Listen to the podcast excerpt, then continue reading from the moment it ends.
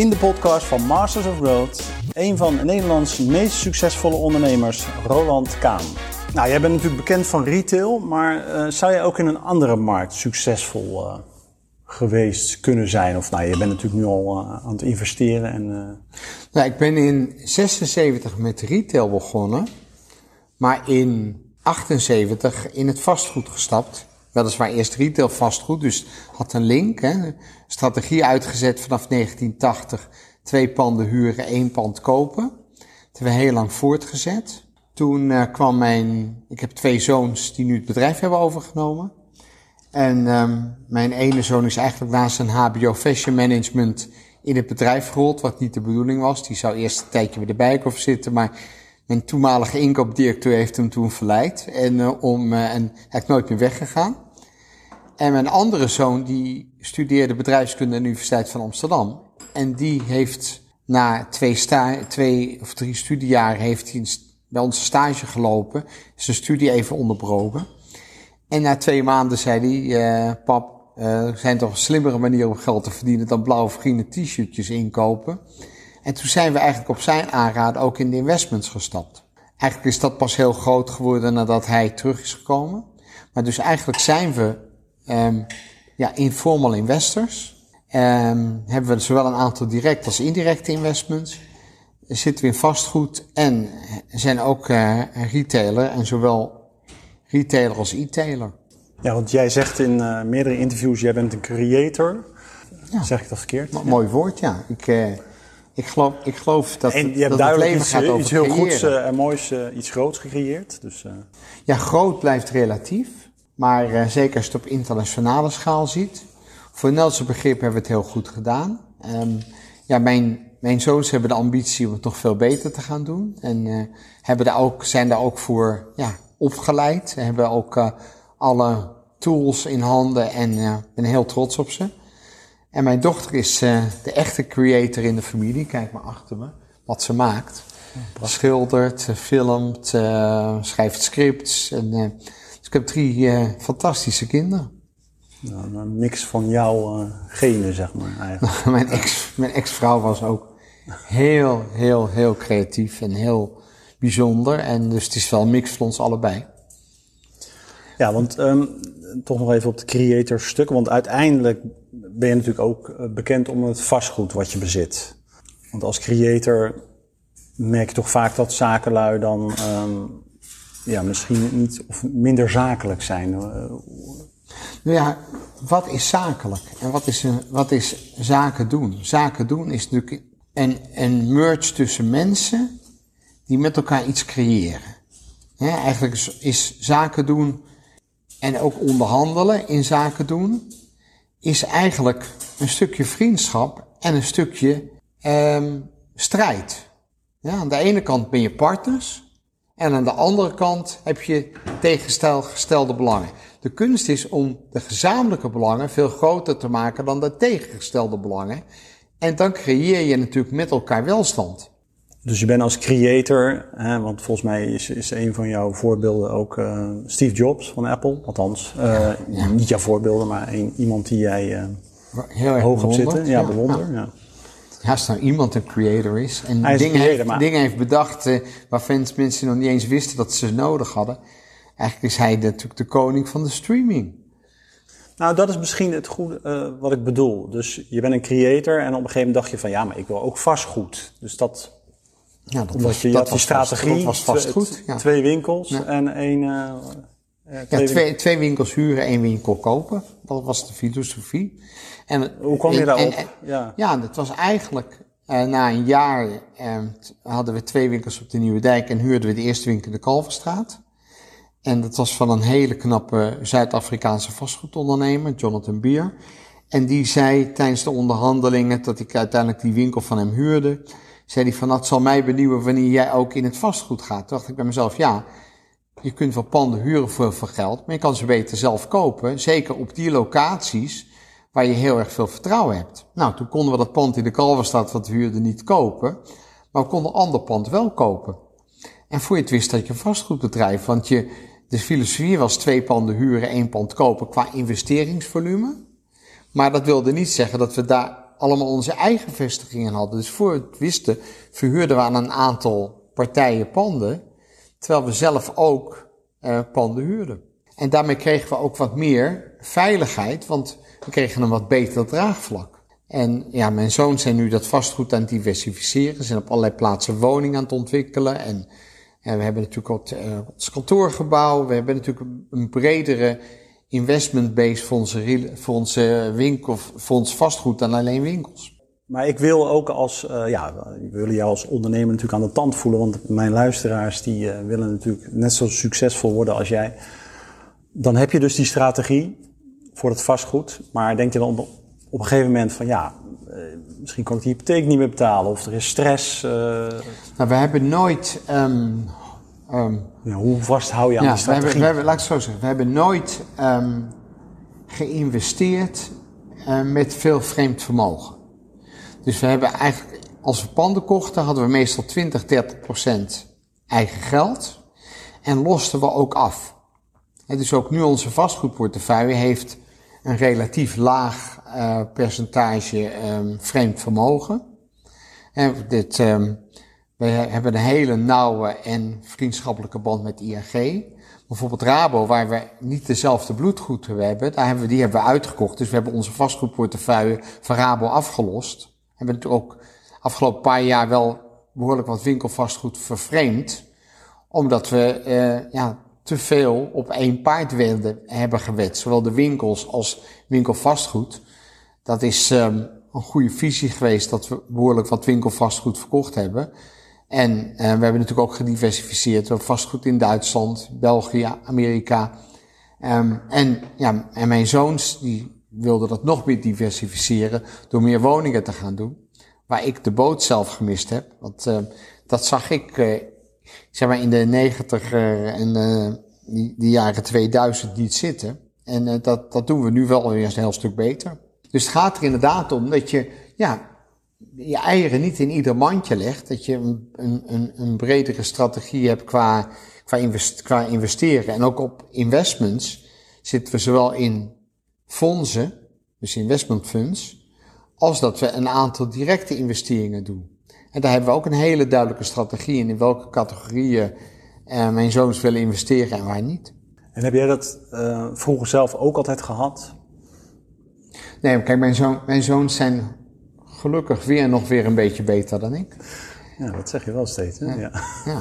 Maar ja, je bent nu al, je, hebt iets heel moois uh, neergezet. Ja, we hebben een heel mooi familiebedrijf gestart, uh, um, waar enorm veel mensen zich heel mooi hebben kunnen ontwikkelen.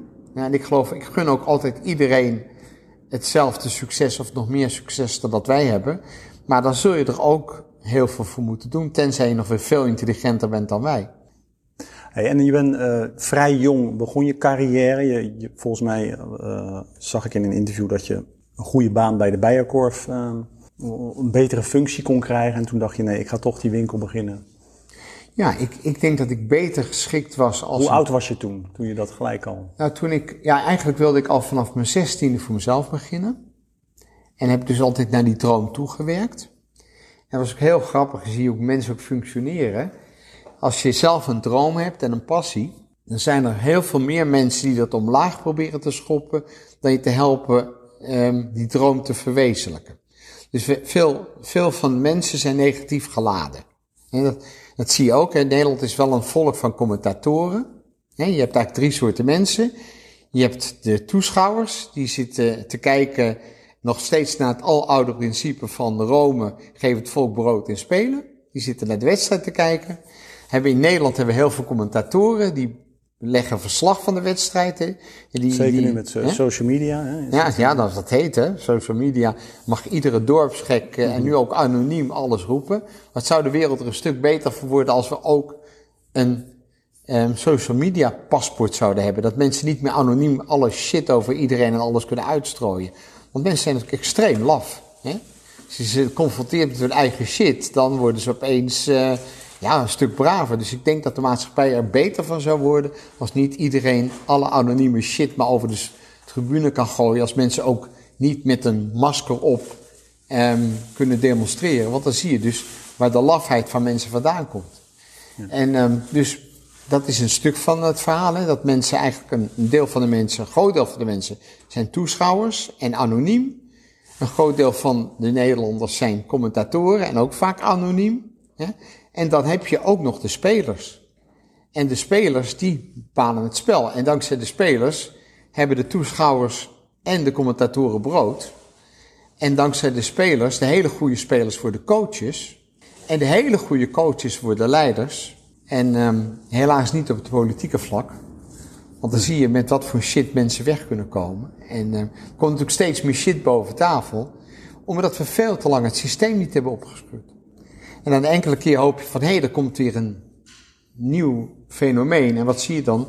Dat, en dat is het rare, dat zelfs de pers zich daar dan massaal op werpt. En of het dan wel of niet klopt. Die nieuwe spelers worden met de grond gelijk gemaakt. Of ze nou wel of niet schuldig zijn aan allerlei dingen. Het maakt niet uit. Fortuin was al kapot gemaakt. Eh, door, door Melkert, voordat bleek dat het, Alleen het volk stapt daar in de eerste instantie niet in. En die gaat dan massaal voor het nieuwe. Ja, totdat blijkt dat het, het systeem dusdanig destructief is. Dat het nieuwe kapot gemaakt is uh, of doodgemaakt wordt. Want zo werkt het dan helaas ook nog. Ja. En uh, dus het is best, best wel een beangstigende ja, uh, maatschappij waar we op het moment in zitten. En misschien is het altijd zo geweest hoor. Maar ik geloof uiteindelijk dat het goede overwint. Ja, en nou, laten we die zijstap niet maken, want dan uh, hebben we een podcast van vijf uur waarschijnlijk, of twee weken. En het gaat alleen over politiek, dat ook niet. Hè? ja. Maar je, jij was jong en jij wist gelijk al van, oké, ik ga een eigen bedrijf beginnen. Ja. Wilde je ook al beter, uh, multimiljonair kleine worden? Knecht, Had je dat ook gelijk in je hoofd of niet? Sorry? Wilde je ook gelijk multimiljonair worden? Had je dat in je hoofd? Of? Ik ben nooit zo geldgedreven geweest. Alleen geld is een beloning voor succes. En ik denk ook dat als mensen vanuit ondernemen geld verdienen, dat dat ze niet zo misgund wordt als dat mensen het zich toe-eigenen. Um, wat je ook hier weer ziet, is dat um, de publieke opinie enorm makkelijk um, op te jutten is. Niemand maakt zich druk om een voetballer van 19 die 5 miljoen verdient. Het schijnt niet erg te zijn. Maar als een iemand 60.000 medewerkers heeft en 2 miljoen verdient, wordt daar schande van gesproken. Dus de manier waarop de, meute, het volk, de massa, opgejut wordt en opgejut kan worden, dat vind ik wel beangstigend. Maar als ondernemers heb je daar over het algemeen geen last van. Um, tenzij ja, de pers of, uh, of, of verkeerde elementen hun pijlen op je richten. Dat kan gebeuren. En politiek doet daar vaak ook heel vies aan mee. Maar um, over het algemeen wordt ondernemen wordt ondernemen in Nederland wel gewaardeerd. Dus dat is goed nieuws. Maar jij ging ondernemen? Want ja, ik, ik wil. Wij zijn nog steeds aan het ondernemen. Nog steeds aan het ondernemen. Maar ik wil natuurlijk voor de luisteraars naar boven krijgen waarom jij zo succesvol bent geworden. Wat, wat jouw stappen zijn. Eh. Nou, als je wil weten wat mijn succes is, is A, dat ik um, altijd heel kritisch ben geweest naar mezelf. Ik ben heel kritisch naar alles en iedereen, maar het kritischste aan mezelf. Dus um, ik ben als we succes hebben tevreden, maar nooit voldaan.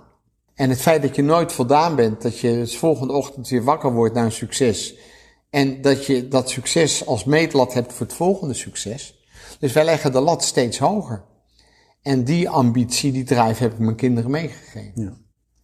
En dat is voor mensen die die lat niet hoog willen leggen. Als je nu ziet, um, het, de zesjescultuur zie je verankerd in de bureaucratie. Die zie je verankerd in de ambtenaren, die zie je verankerd in eh, dat mensen het moeilijk maken om succes te hebben in plaats van succes te inspireren en te stimuleren. Maar mensen die succesvol willen zijn, laten ze daar niet door weerhouden. Die gaan gewoon. Ja. Want toen uh, jij begon de winkel in Amsterdam. En toen, in september uh, snel, 1976. Snel nog een aantal winkels. Hè? Ja. Sorry? En ja, en ik, en ik, um, ik had enorm voordeel, enorm nadeel. Het voordeel was dat ik over heel weinig geld beschikte en het nadeel was dat ik over heel weinig geld beschikte. Het voordeel was dat ik weinig fouten kon maken. Het nadeel was dat ik niet hard kon groeien. Door heel snel, op een gegeven moment verkocht ik mijn spullen zo snel dat ik ze niet eens betaald had voordat ze verkocht waren. En daardoor konden we relatief snel groeien. Binnen een half jaar een tweede winkel, binnen een jaar een derde winkel, met datzelfde werkkapitaal. En toen we dus verder gingen groeien en eh, om ons heen gingen kijken naar banken. Toen was er de Nederlandse Middenstandsbank, die had een staatskrediet, staatsgarantie. En daar kwam ik niet voor in aanmerking, want mijn voorraad klopte niet. Je kon niet onmogelijk zo snel je goederen verkopen. Dat werkte niet, paste niet in hun model. Dus mijn model was te succesvol. Achteraf ben ik wel met de Nederlandse kredietbank, of met de, eh, met de, eerst met de, met de, later naar de Nederlandse kredietbank gegaan en die zagen dat wel zitten. En toen ben ik uiteindelijk later toch bij de opvolger van de Nederlandse Middenstandsbank IRG terechtgekomen, waar we een geweldige relatie mee hebben opgebouwd. En um, ja, en ik maak me ook heel druk om ook weer, hier zie je dus ook weer hoe um, de maatschappij reageert. Eerst zegt de overheid tegen de banken, jullie moeten zwart geld tegengaan. Wat eigenlijk een overheidstaak is. Maar nee, dat moeten jullie doen. Vervolgens is dat niet zo makkelijk. Ja, want de overheid kon het ook niet. Dan wordt een bank gepakt. Ja, gepakt op eigen regels. Zegt het ministerie van Justitie, ja, het is moeilijk om daar de leiding voor verantwoordelijk te stellen. Want je kan moeilijk 60.000 medewerkers die allerlei dingen doen, om daar de eindbazen voor verantwoordelijk te stellen. Maar nu de politiek. Dan wordt zo'n CEO, wordt, die moet voor de rechter komen. Maar ja, dan mag je dus wel alle parlementsleden, dan mag je wel alle staatssecretarissen, dan mag je wel alle ministers voor het halen. Dus het feit dat we steeds maar mensen willen straffen in plaats van wat gaat er nou fout en wat gaat er nou goed en wat leren we nou wat er fout gaat en daar groeien we door, hebben we een soort afrekencultuur gecreëerd. Ja? Alleen de mensen die werkelijk afgerekend worden, die zijn niet thuis. En je zei het net zelf al, hè? zou dat uh, 30 jaar geleden niet hetzelfde geweest zijn? Um, ik, denk dat, ik denk dat het systeem um, 30 jaar geleden um, minder lek was dan nu.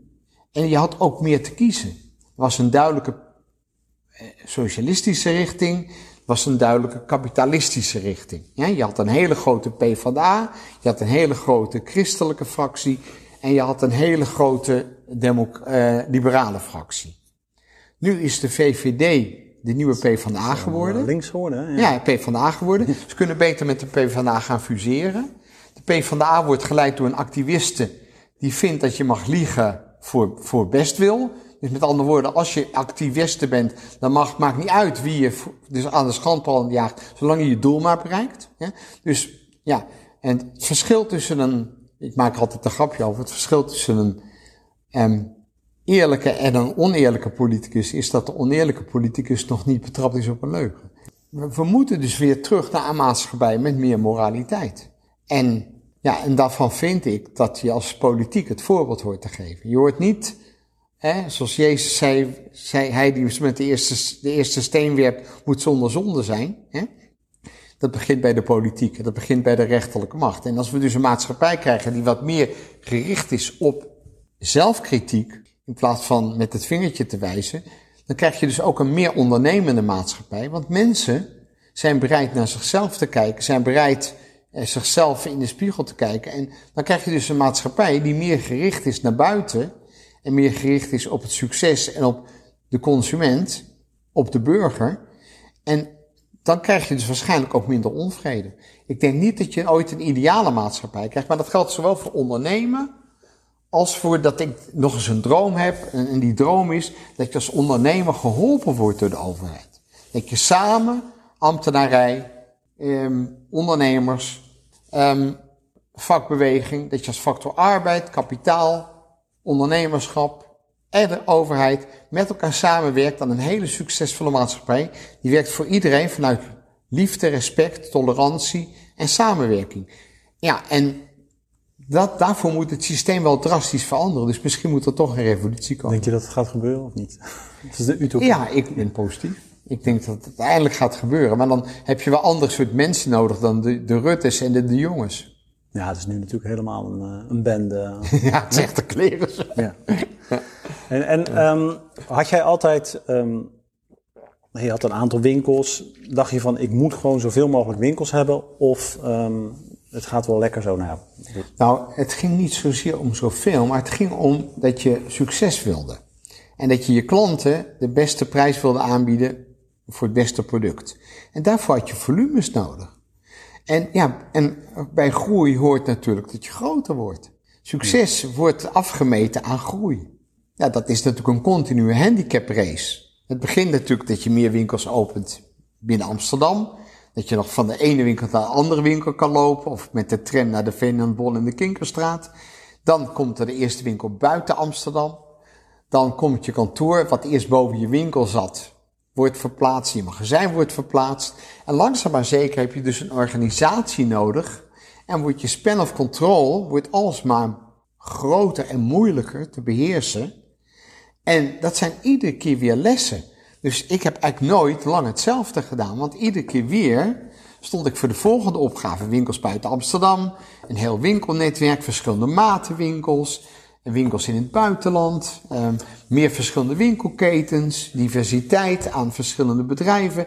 En dat zijn iedere keer weer nieuwe competenties die je zelf bij moet brengen. Ja, maar jouw doel was wel altijd, we moeten groeien. Je dacht niet op een gegeven moment van, nou, in Nederland zijn we al uh, zo groot, laten we het... Uh... We zijn nog steeds aan het groeien. Ja, dus dat is wel altijd het doel. Ja. Het, het is, is dat denk... ook fijn om dan uh, dat je constant uit je comfortzone natuurlijk getrokken wordt, omdat je weer wat nieuws moet leren? En dat is, als je daar, is misschien ook een soort verslaving. Weet je, dat je iedere keer weer opnieuw die prestatie wil neerzetten. Omdat het altijd beter moet. Ja, ja want die consument die is verwend en die heeft ook recht op het allerbeste. Dat is onze taak, zoals ik ook vind dat de overheid nou, okay, taak je, zou Als je in zijn. Nederland iedereen goed bedient en iedereen is blij, waarvoor zou je dan naar het buitenland moeten? Ja, dat is waar. Dat is waarom. Ja. Omdat je om, waarschijnlijk om, toch ontevreden bent, omdat moet, moet meer. Omdat, uh, nou, dan zit je uh, op een gegeven moment, uh, heel lang geleden, zit je op Koninginnedag in een bootje met makelaars van Nederland in België. En dan zit er een makelaar in België. God, je hebt zoveel winkels in Nederland dan. Ik heb een mooi pand in Antwerpen. Ik zeg, nou, ik kom maandag kijken. En dinsdag hadden we de eerste winkel in België. Het, het, het gebeurt soms ook. Die droom was er al wel. Maar eh, er moeten dan dingen gebeuren. Soms moet je dan net even op het juiste moment het juiste zetje krijgen. Ja, je ziet en daar moet je ook voor openstaan. Ik heb er nou een aantal podcasts gedaan. En je ziet bij grote ondernemers dat ze toch wel altijd die doelen hebben. En dat het dan natuurlijk ook ja. op het pad komt. Maar als je niet, um, if you can dream it, you can do it. Maar als je jezelf geen doel stelt, ja, waar moet je dan naartoe? Dus je moet een doel hebben om je doel te bereiken. Je moet een plan maken. En, en, en, en ik ben aan de ene kant heel ondernemend, maar aan de andere kant ook heel gestructureerd. dus we maken dan ook zo'n plan. Weet je, dan, we zijn ook per zeg maar, delen van Nederland gaan uitbreiden. dus winkels in een soort, ja, een soort als we een winkel in Leeuwarden huurden, wilden we ook graag een winkel in Groningen. Waarom? Ja, omdat dat, dat, dat leek logisch. Dan reed ik, uh, dan reed ik even naar Leeuwarden, Sneek en Groningen. Omdat je gestructureerd bent. Ja. omdat dat leek dan efficiënt. En dat is dan misschien ook een eigenschap die heel goed van pas komt, omdat je um, als de structuur zeg maar misgaat, dat je dan ook bij gaat sturen. Ja, en, en je moet dus continu stoppen, kijken, corrigeren door. En, en zodra een, iets verstopt, en mensen, stopt met, mensen stoppen met kijken, stoppen met zien, stoppen met corrigeren, en met altijd maar weer hetzelfde blijven doen, dan verstopt het. Weet je, dan, dan, dan um, worden de mensen lamlendig, dan worden mensen, ja, die missen de, de drive. En, en mensen gaan voor veiligheid, dus niet iedereen is geboren als ondernemer, niet iedereen is geboren als coach, niet iedereen is geboren als leider. Maar als je mensen, en Confucius heeft gezegd, als je mensen dingen vertelt, vergeten ze het. Als je mensen dingen laat zien, onthouden ze het. Maar als je mensen betrekt, begrijpen ze het. Dan hebben ze samen een doel. Weet je, en dat is wat veel goede ondernemers doen. Mensen betrekken bij hun doel, hun doel. En dan krijg je dus, ja, fans van het bedrijf. Mensen die bij mij in de winkel staan, in onze winkel staan. Ik zeg weer mij, maar het gaat om onze familie. Mensen die in de winkel staan van onze bedrijven. Die zijn onderdeel van onze familie. Die zijn onderdeel van de missie om het leven van de klant aangenaam te maken, iedere dag opnieuw. En is dan ook het voordeel, doordat je mensen zo meetrekt, als je zelf eventjes wat minder energie hebt, dat je dan weer vooruitgetrokken wordt? Nou ja, als het of moet jij is, altijd de leider is, zijn? Zeg Als het goed is en de organisatie luistert goed naar zijn mensen, dan maak je minder fouten.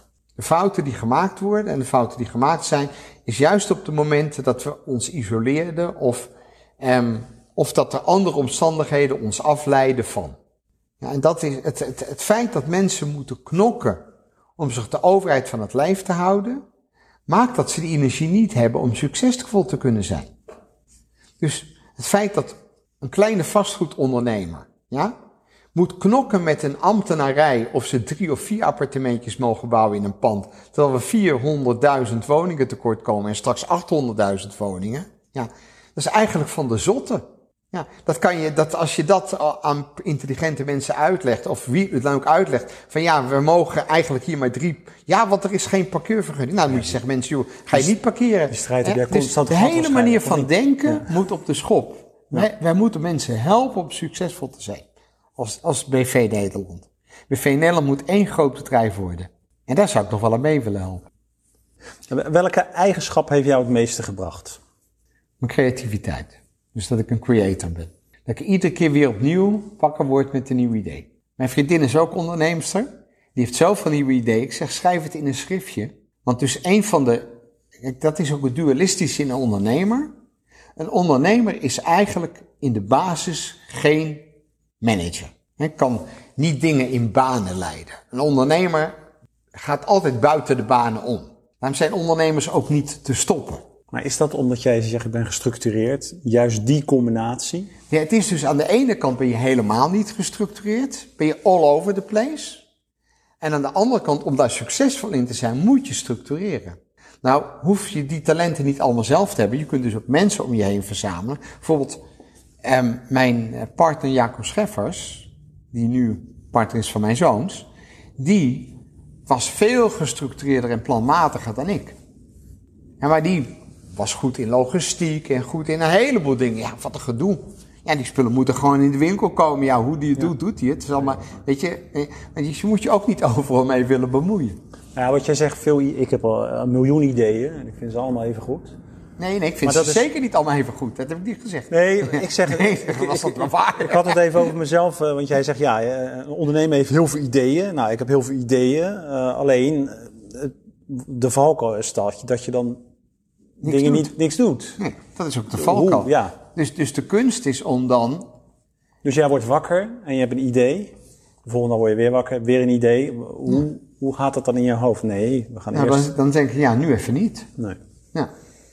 Ja, en mijn zoons zijn dus ook veel gestructureerder. Dus soms, ik, ik, ik denk dat ik wel iedere week een aantal dingen bij mijn kinderen drop. Daar heb je hem weer. Die eigenlijk binnen twee seconden van tafel geveegd worden. Ja. en een enkele keer roepen ze dan van, ja, dat is toch niet zo verkeerd. Laat die maar komen of laat die maar komen. Dus er zijn heel veel mensen die mij benaderen met heel veel dingen. En ehm, ja, en is ook, dus ik krijg ook nog weer heel veel input van andere mensen. Dat is ook wel heel leuk. Kijk, een van de leuke dingen van bekender zijn, is dat mensen je weten te vinden. Dus mijn, mijn mijn zoons vinden het helemaal niet leuk eh, om bekend te zijn. Of weet je, die werken veel liever vanuit de anonimiteit. Ehm, ik heb nou eenmaal het karakter dat ik heel flamboyant ben. Dat ik het heel leuk vind om een verhaal te vertellen. Dat ik het heel leuk vind om aanwezig te zijn. Ehm, en op die manier dominant. Mijn zoons zijn ook heel dominant. maar dominant vanuit rust. Ehm, ehm, doe maar, eh, weet je, we hoeven niet op, we hoeven, onze naam hoeft niet in alle klanten. Dat heeft enorme voordelen. Want je, je roept veel minder aversie op. En veel minder agressie. Het heeft als nadeel dat ze je minder makkelijk weten te vinden. Dus alles in het leven heeft voor- en nadelen. En zolang je de voordelen maar weet te benutten. en de nadelen zoveel mogelijk weet te elimineren. dan kom je wel ergens. Ja, en, ik denk als je als ondernemer met ideeën dan vind je het ook leuk om mensen, mensen te praten en een beetje te horen of het een goed idee is. Bingo. En ook door een idee, kijk, ik, ik ben niet godsdienstig, maar wel heel spiritueel. Dus als je, ik ben een enorme aanhanger van Noel Harari, dat is die professor met die geweldige boeken, nu de eh, 21st eh, of the, eh, 20 Ideas for the 21st Century, eh, Homo sapiens, Homo hij geschiedkundig beschrijft ook de opkomst van godsdiensten en ook uitlegt waarom dat voor mensen zo belangrijk is. Ik geloof daar niet in, ik geloof wel in spiritualiteit. Ik geloof wel dat het universum, de totale kracht van ons allen, alle energie, de totale kracht van de sterren en het heelal, dat die kracht, dat die voor je kan werken. Dus als je een idee hebt, dan plaats je dat idee in het universum. Je spreekt daar zoveel mogelijk over, je deelt het met zoveel mensen. En dan zal je zien dat het idee krijgt handen en voeten. En het heeft nog een ander psychologisch bijeffect. Want als jij mensen vertelt dat je dingen gaat doen, dan dwing je jezelf ook mentaal om het te doen. Als je als speler zegt voor de wedstrijd, ik ga een doelpunt maken, ik ga een doelpunt maken, ik ga een doelpunt maken. Zeg, oh, ik wil echt zo een doelpunt maken. Dan breng je bij jezelf ook een soort, je zet jezelf onder een gezonde spanning om je doel te bereiken. Of je haalt, ja, ik heb dat boek van, uh, hoe heet die? Carl Jung, Synchroniciteit. Nee, ik heb het boek niet gelezen, maar ik denk je dat haalt een soort tijd, tijd naar voren, zeg maar. Ja. Heel veel mensen vinden op andere manieren vinden die spiritualiteit. Hè? Ik ben um, al, ik ben dan vanaf 96, 86 moet ik zeggen, ben ik in India zaken gaan doen. Ik werd getroffen door de enorme culture shock dat aan de ene kant daar mensen in kartonnen dozen woonden. En enorme criminaliteit en agressie. En aan de andere kant een ongelofelijke spiritualiteit. Als je ging mediteren in een, eh, ik, ik, ging daar mediteren in een, eh, in een uh, commune van, uh, van Osho, oftewel de Bhagwan. En dan zie je dus die mensen proberen die dan mee te trekken in hun haast religie, hun haast godsdienst. Nee, dat wil ik niet. Ik wil wat van jullie leren, ja.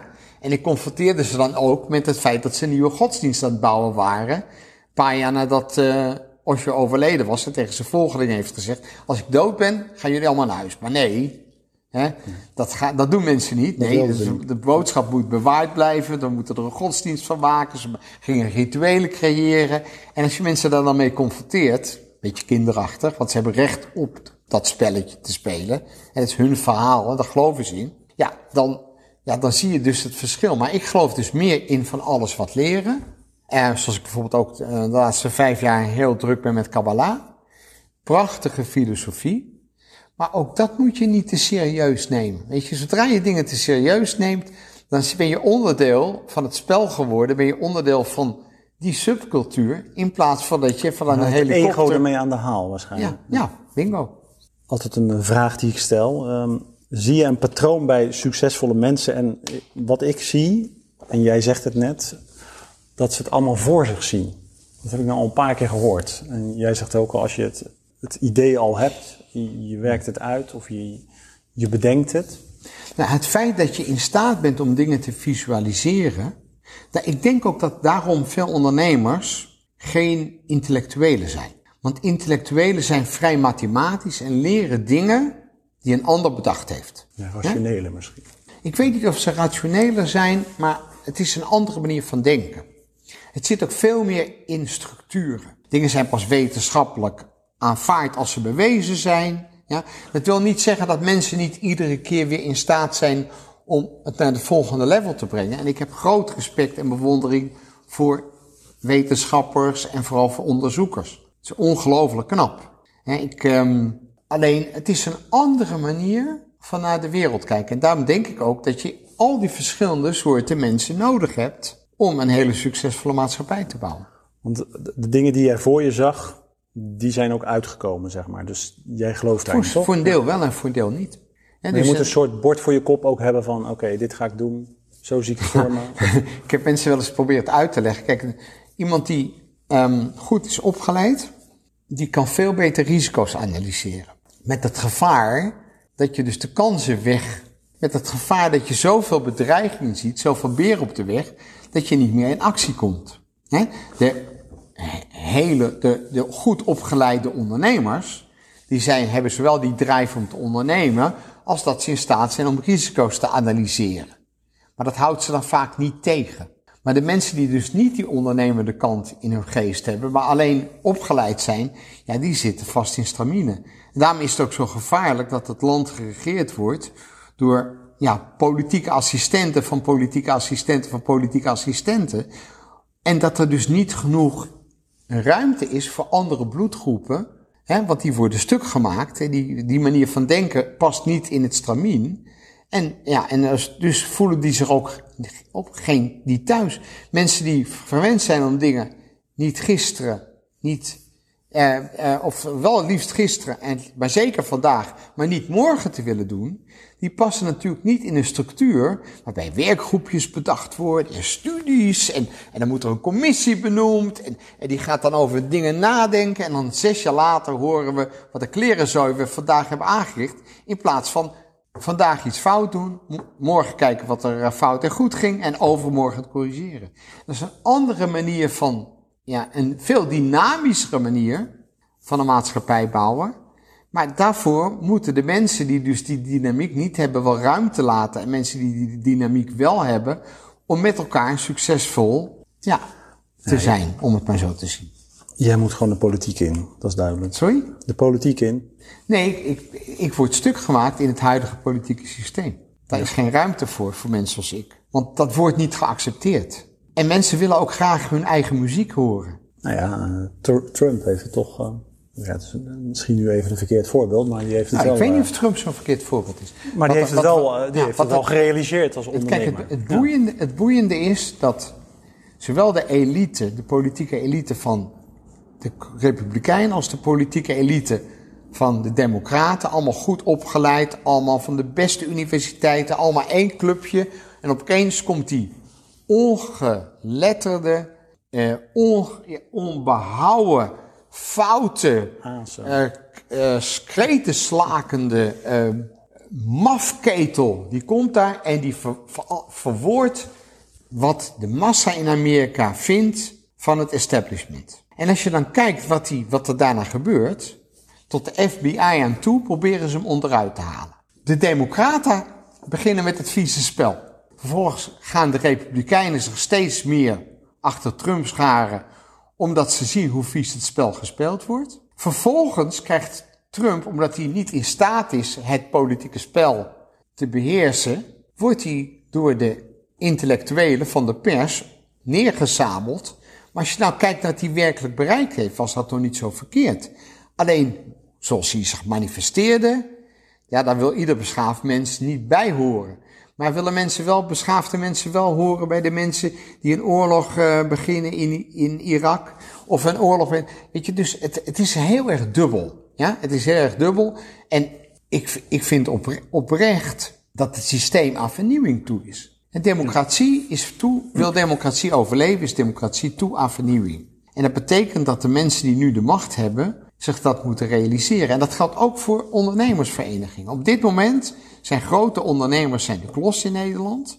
Want het politieke klimaat vindt, oh die mensen die al zoveel geld verdiend hebben, hè, die moeten maar rustig op de blaren zitten, dat wij hun winkel sluiten en dat zij daar niks aan kunnen doen. Hebben we scheid aan, maar grote ondernemers worden op dit moment ongelooflijk gediscrimineerd ten opzichte van kleine ondernemers. Dat is bizar. Nou ja, je hebt ook gedeeld kleine en, ondernemers. En het, en het vervelende nu is dat een aantal concurrerende landen om ons heen die grote ondernemers veel beter beschermen dan Nederland. En maar Nederland is altijd heel goed geweest om zijn eigen ondernemers naar de kloten te helpen. Terwijl de Fransen en de Engelsen en de Duitsers veel slimmer omgingen met allerlei EU-wetgeving. Oké, we zijn heel erg politiek, maar, ja, nee, maar on, onderne, wel, ondernemers... een goed bruggetje, want ja. uh, mijn vraag gaat ook over... Ja, die ondernemers die worden hier natuurlijk helemaal kapot gemaakt uh, uh, op dit moment. Hoe zou je daar, dat die politiek heel snel gaat veranderen, dat, dat zie ik niet zo snel gebeuren. Hoe zouden zij daarmee om moeten gaan? De een die is depressief van, de ander die ziet wel kansen. Hoe, hoe ben jij daarmee omgaan? Ik, ik, wat, wat zou je ze adviseren? Ja, ik, denk dat wij de, ook deze uh, fase wel zullen overleven. En een hele, ik, ik denk dat de economische schade die aangericht wordt door het huidige COVID-beleid, maar over de hele wereld, hè, dat, dat, dat, dus ik denk ook dat die ziekte waarschijnlijk veel gevaarlijker is dan men ons wil vertellen, omdat het anders nergens op slaat. Het is dus of veel gevaarlijker, want je kan mij niet wijsmaken dat er niet een heleboel ondernemers in Nederland klaar stonden om noodziekenhuizen te openen. Maar die werden gewoon geweigerd. Cor van Zadolf heeft het Slotervaartziekenhuis aangeboden, maar dan vindt de gevestigde orde en de bureaucratie regels om het niet te doen. Dat is een gegeven. Het is ook een gegeven dat Nederland eh, vaak het braafste jongetje van de klas wil zijn en ja, niet goed ziet wat voor schade ze daarmee aanrichten. Ook dat is een gegeven, maar we gaan het overleven. Dus En het wat- is jammer. Maar wat zou je dan die ondernemers, want eh, wat zou je ze adviseren om te doen? En, eh, Ja, iedere dag opnieuw. Blijf naar die horizon kijken. Ja, blijf naar de horizon kijken en, en blijf, wat- de kansen, doen? blijf de kansen zoeken. Ja, en ehm, het is, ehm, je, we worden nu door deze situatie, worden we gedwongen. Mijn opa was in 1933 de grootste rock- en bluesfabriek van Duitsland. Die kon in 33 Duitsland verlaten om maar één reden, dat hij een Joods was. Dus in 37 wilde hij naar Amerika, had een baan tot 1936 in Nederland. Is in 36 een nieuw bedrijf begonnen. Kon in 42 weer opnieuw stoppen. Had, en is in 1945 weer opnieuw begonnen. Dat waren heel andere problemen dan nu. Uiteindelijk komt het allemaal goed. Daar houden we aan vast. Eh, hoe voelt het om een eh, multimiljonair te zijn als eh, spiritueel mens? Is Maar dat je- veranderd in je wat- leven weet je? Weet je wat het fijne is? Het fijne is dat je een behoorlijke mate van onafhankelijkheid hebt. Het fijne is dat je allerlei bizarre dingen kan doen. In een fantastisch huis kan wonen. ehm, de auto kan kopen waar je zin in hebt. Dat als eh, mensen om hulp vragen, dat je hulp kan bieden. Dat je, ehm, ehm, dat je dus minder afhankelijk bent van die overheid dan iemand die een baantje heeft dat je ook meer je eigen lot kan bepalen. Maar het maakt je niet per se gelukkiger. Wat, mij, wat me sowieso opvalt, is dat tevredenheid en geluk zitten hem in allemaal kleine dingetjes. De liefde voor je kinderen. Komt dat met de leeftijd? Merk je dat dat Nou, ik steeds heb, dat, ik heb duidelijker dat wordt? altijd wel gehad. Kijk, ik heb wel geldingsdrang gehad. En kijk, mijn ouders gingen uit elkaar toen ik zes, eh, 16 was. En er was opeens geen geld meer. En daarvoor had ik nooit over geld hoeven nadenken. En dat motiveerde mij wel om zelfstandig te worden. Ja, maar dat geld is een tool. En dat, kijk, ondernemers hebben dat geld ook niet op de bank staan. Of hebben niet zo'n zwembad als Dagobert Duck. Mijn nichtjes vragen wel eens... Oom Roland, ben jij net zo rijk als Dagobert Duck? Weet je, want dat is voor hun, ja, weet je, in een zwembad vol met geld. Maar voor ons is geld een tool. We investeren in jonge bedrijven, start-ups, we in- investeren in start-up bootcamp, we investeren in nieuwe IT-technology, we investeren in eh, artificial intelligence, we investeren in allerlei leuke nieuwe dingen. Dat geld is een tool, is een middel. Niet meer en niet minder dan dat. En waar komt die geldigheidsdrang? Waar kwam die vandaan? Of eh, ja, die, heb, je die nu nog steeds? Ja. En mijn kinderen nu veel last van. Ja. Ja. ja. Waar komt, dat komt van Ja, de ik denk, dat dat, of, ik denk dat dat karakter is. Ik denk ook dat als je maar veel weerstand krijgt, dat je ook ehm, de sterkste overleven. En er is geen groep ter wereld die zoveel heeft moeten knokken, die zo'n overlevingsartiest is als onze subcultuur. Wij zijn overlevingsartiesten. Dan heb je het over de Joodse cultuur. Hè? Ik heb het over de Joodse cultuur. En het mooie is, de wereld heeft het toch niet door. En natuurlijk, je hebt altijd die gekkies met die, met die, met die, met die bizarre ehm, complotten. Hè? De, de, de negen families die de hele wereld beheersen. Dan wordt iedere keer Rothschild genoemd. Denk je, wat een debiele. Hè? Is, ehm, de eigen, is, de, is de baas van China, wordt hij ook gestuurd door een Jood. Of Poetin wordt gestuurd door een Jood. Dus het feit dat mensen zo debiel zijn, dat zegt opnieuw het gevaar van verkeerde leiders en verkeerde verhalen. Maar oké, dat, dat is dan even aan de, aan de zijkant. Hè? Maar het feit dat wij iedere keer weer de levenskracht hebben om iets moois te creëren. En het feit dat nu de, de, de Soenieten en, de, en, Israël een waanzinnige alliantie sluiten. Ja, als ik nu hoor van ondernemers uit, uit uh, het, het, het, het investment fund van de Royal Family, van de Royal Families die investeren in Israël in allemaal high-tech. Eigenlijk staan de Arabieren en Joden heel dicht bij elkaar. Het feit dat, dat de ongeletterde en opgejutte Marokkaanse jeugd in Nederland antisemitisch is, terwijl de koning van Marokko een groot vind van de Joden is. Ja? Het feit dat die Muslim Brotherhood zo'n antisemitische cultuur heeft neergezet. Ja? Maar ze hebben het niet veel slechter gedaan dan de katholieke kerk of, of, of Martin Luther die een beroemde antisemiet was. Dus antisemitisme zit heel diep verweven in een hoop culturen. Er is geen enkele intellectuele rechtvaardiging voor. Integendeel. Maar het feit dat wij continu in die hoek gedrukt zijn, ja, waarbij we moesten zien te overleven, maakte dat eigenlijk de buitenwereld ons een unieke kans heeft geboden onze talenten te ontwikkelen. En het rare is dat de buitenwereld denkt Joden zijn rijk. Nou, ga maar eens in Israël kijken, ja? Hoeveel arme Joden er zijn, ja? Maar als je nou gaat kijken naar de Nobelprijzen, ja, daar excelleren wij. Wij Joden excelleren in wetenschap, kunst en creativiteit. En dat is ook waardoor we altijd zullen overleven. En ik zie uh, mijn. Ik had toevallig vanmorgen had ik een hele goede vriend aan de lijn. Die woont nu half van de tijd in Israël. Zijn ouders kwamen gefrustreerd terug uit de oorlog. Waren zelfs bang om één kind te nemen. Inmiddels heeft hij negen kleinkinderen. Drie kinderen en die drie kinderen hebben allemaal drie kleinkinderen. Ik kreeg een prachtige foto van die negen kleinkinderen. Het is fantastisch. Weet je? En dat is waar het eigenlijk om draait. Het is ook creëren. Dat is ook ondernemerschap om weer zo te kijken naar de maatschappij en naar de wereld.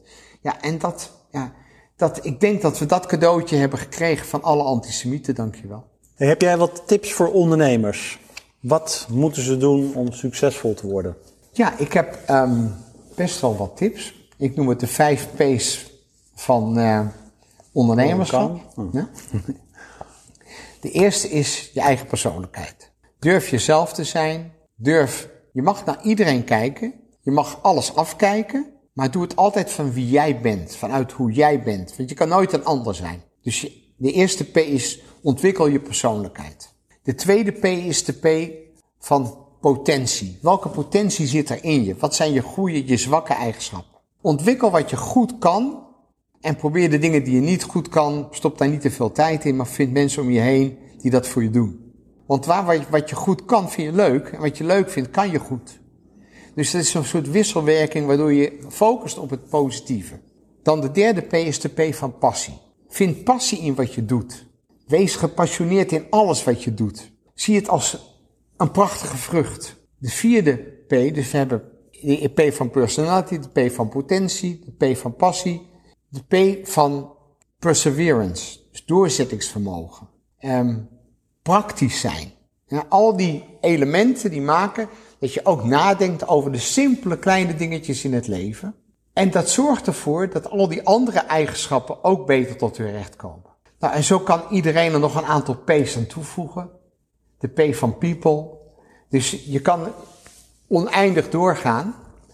Uh, maar het gaat er uiteindelijk om dat je dat wat je in jezelf vindt, dat je dat optimaal benut. En ieder mens is uniek. Ieder mens kan dingen. We zijn niet allemaal geschikt voor ondernemerschap.